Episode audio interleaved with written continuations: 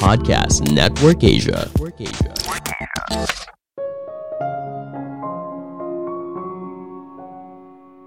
Strategi bukan visi atau sebuah rencana. Strategi adalah soal membuat pilihan untuk jadi pemenang. Halo semuanya, nama saya Michael. Selamat datang di podcast saya, Sikutu Buku. Kali ini saya akan bahas buku Playing to Win karya A.G. Levely dan Roger L. Martin. Sebelum kita mulai, buat kalian yang mau support podcast ini agar terus berkarya, caranya gampang banget. Kalian cukup klik follow Dukungan kalian membantu banget supaya kita bisa rutin posting dan bersama-sama belajar di podcast ini.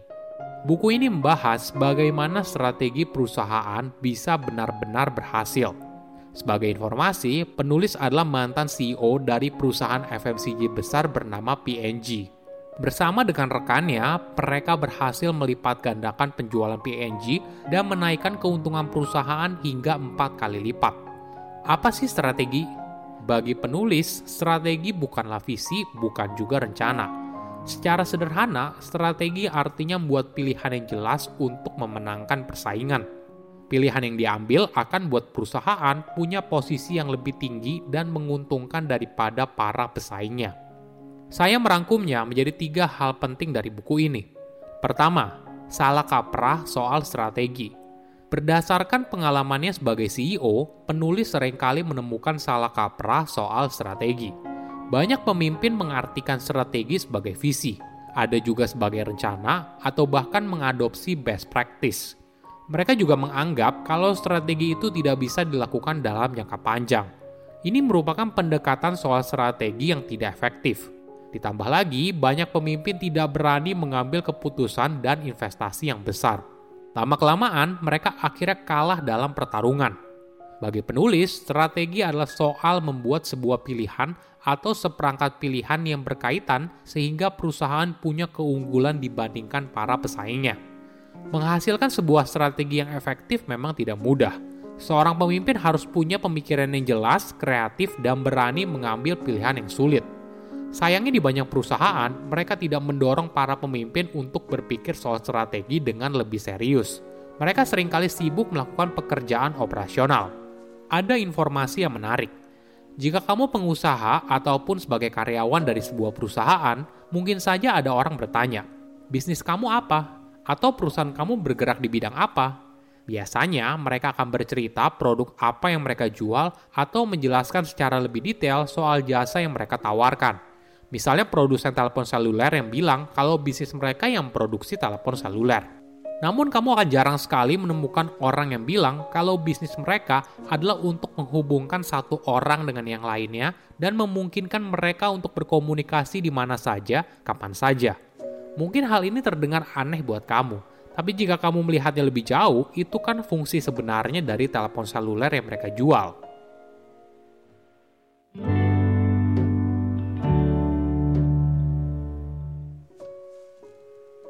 Kedua, ambisi untuk jadi besar. Ada pertanyaan yang menarik. Apakah perusahaan kecil harus jadi besar? Apakah kita harus menjadi pemain nomor satu? Banyak pemimpin tidak berambisi untuk membuat perusahaannya jadi besar. Mereka hanya menjalani saja hari demi hari.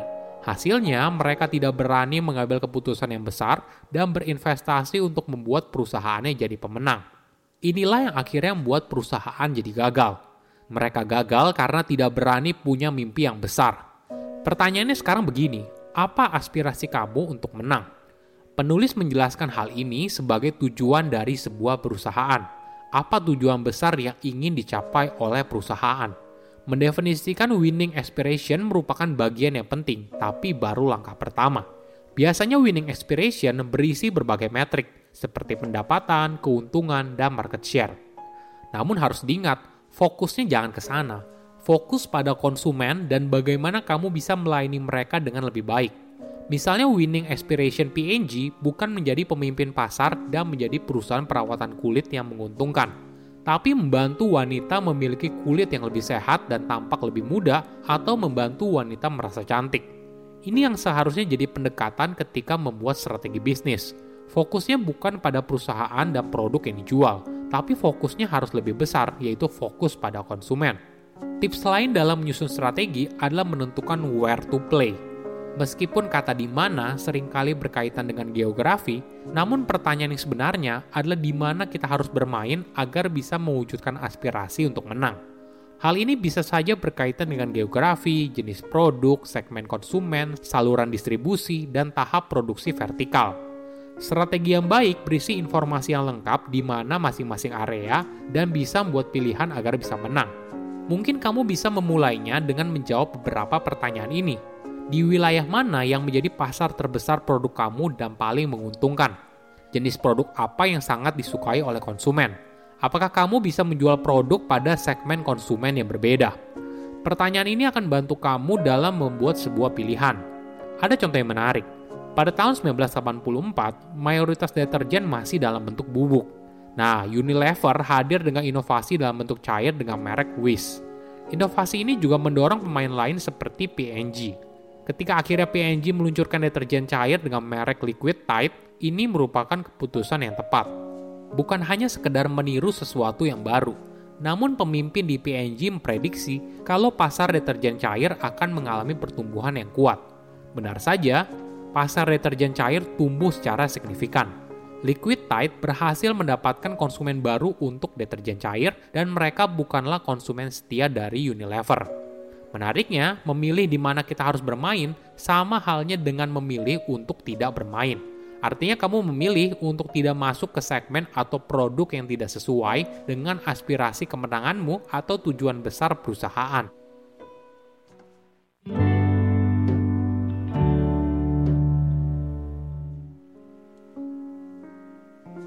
Ketiga, cara untuk menang.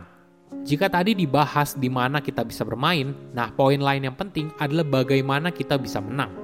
Bagaimana pilihan yang kita ambil bisa membantu kita meraih kesuksesan. Setiap perusahaan punya keunggulannya masing-masing. Bahkan apabila mereka menjual produk sejenis, tetap saja berbeda.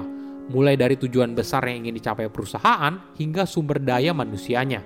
Misalnya perusahaan kecil bisa fokus melayani konsumen sesuai keinginan, tapi perusahaan besar bisa fokus memberikan produk yang berkualitas dengan harga terjangkau karena produksinya yang massal. Ada dua tips yang menarik pendekatan low cost. Kamu pasti familiar dengan pendekatan ini, di mana kamu berusaha menawarkan harga paling murah. Misalnya ada tiga produk sejenis. Nah, kamu bisa menang apabila produk kamu dijual dengan harga yang lebih murah. Namun tidak hanya menawarkan harga yang lebih murah, kamu bisa melakukan pendekatan yang lain. Misalnya permen Mars dan Hershey. Permen Mars memiliki ongkos produksi yang jauh lebih murah sehingga mereka bisa menetapkan harga yang lebih rendah. Namun mereka tidak membuat produknya lebih murah lagi, tapi menggunakan budget tersebut untuk meningkatkan visibilitas produknya di toko dengan cara membeli ruang untuk menaruh produknya di rak-rak utama toko yang ada di seluruh negeri, sehingga produknya mudah ditemukan oleh konsumen. Namun untuk memenangkan persaingan tidak harus menjadi yang termurah. Ada pendekatan lain yaitu differentiation – kamu tidak berlomba-lomba menciptakan produk dengan harga termurah, tapi kamu fokus menciptakan produk yang diinginkan oleh konsumen. Misalnya dengan menawarkan kualitas yang lebih baik, image dari merek yang lebih premium, dan sebagainya. Cara ini boleh dibilang lebih sehat secara keuangan karena kamu fokus memberikan nilai tambah pada konsumen, sehingga kamu bisa menawarkan harga yang wajar, bukan harga termurah. Inilah kenapa banyak perusahaan fokus pada riset, inovasi produk, marketing, dan sebagainya. Oke, apa kesimpulannya? Pertama, salah kaprah soal strategi. Banyak pemimpin mengartikan strategi sebagai visi, ada juga sebagai rencana, atau bahkan mengadopsi best practice. Ini merupakan pendekatan soal strategi yang tidak efektif. Ditambah lagi, banyak pemimpin tidak berani mengambil keputusan dan investasi yang besar. Lama-kelamaan, mereka akhirnya kalah dalam pertarungan bagi penulis, strategi adalah soal membuat sebuah pilihan atau seperangkat pilihan yang berkaitan sehingga perusahaan punya keunggulan dibandingkan para pesaingnya. Kedua, ambisi untuk jadi pemenang. Apa tujuan sebuah perusahaan? Apakah pemimpinnya punya mimpi untuk menjadikan perusahaan ini sebagai perusahaan pemenang pasar? Banyak perusahaan tidak berambisi untuk membuat perusahaannya jadi besar. Mereka hanya menjalani saja hari demi hari. Hasilnya, mereka tidak berani mengambil keputusan yang besar dan berinvestasi pada area yang tepat. Inilah yang akhirnya membuat perusahaan jadi gagal. Mereka gagal karena tidak berani punya mimpi yang besar. Ketiga, setiap perusahaan punya cara uniknya untuk menang. Setiap perusahaan punya keunggulannya masing-masing. Bahkan apabila mereka menjual produk sejenis, tetap saja berbeda. Mulai dari tujuan besar yang ingin dicapai hingga sumber daya manusianya. Saya undur diri, jangan lupa follow podcast Sikutu Buku. Bye-bye. Pandangan dan opini yang disampaikan oleh kreator podcast, host, dan tamu tidak mencerminkan kebijakan resmi dan bagian dari podcast Network Asia. Setiap konten yang disampaikan mereka di dalam podcast adalah opini mereka sendiri dan tidak bermaksud untuk merugikan agama, grup etnik, perkumpulan, organisasi, perusahaan, perorangan, atau siapa pun dan apa pun.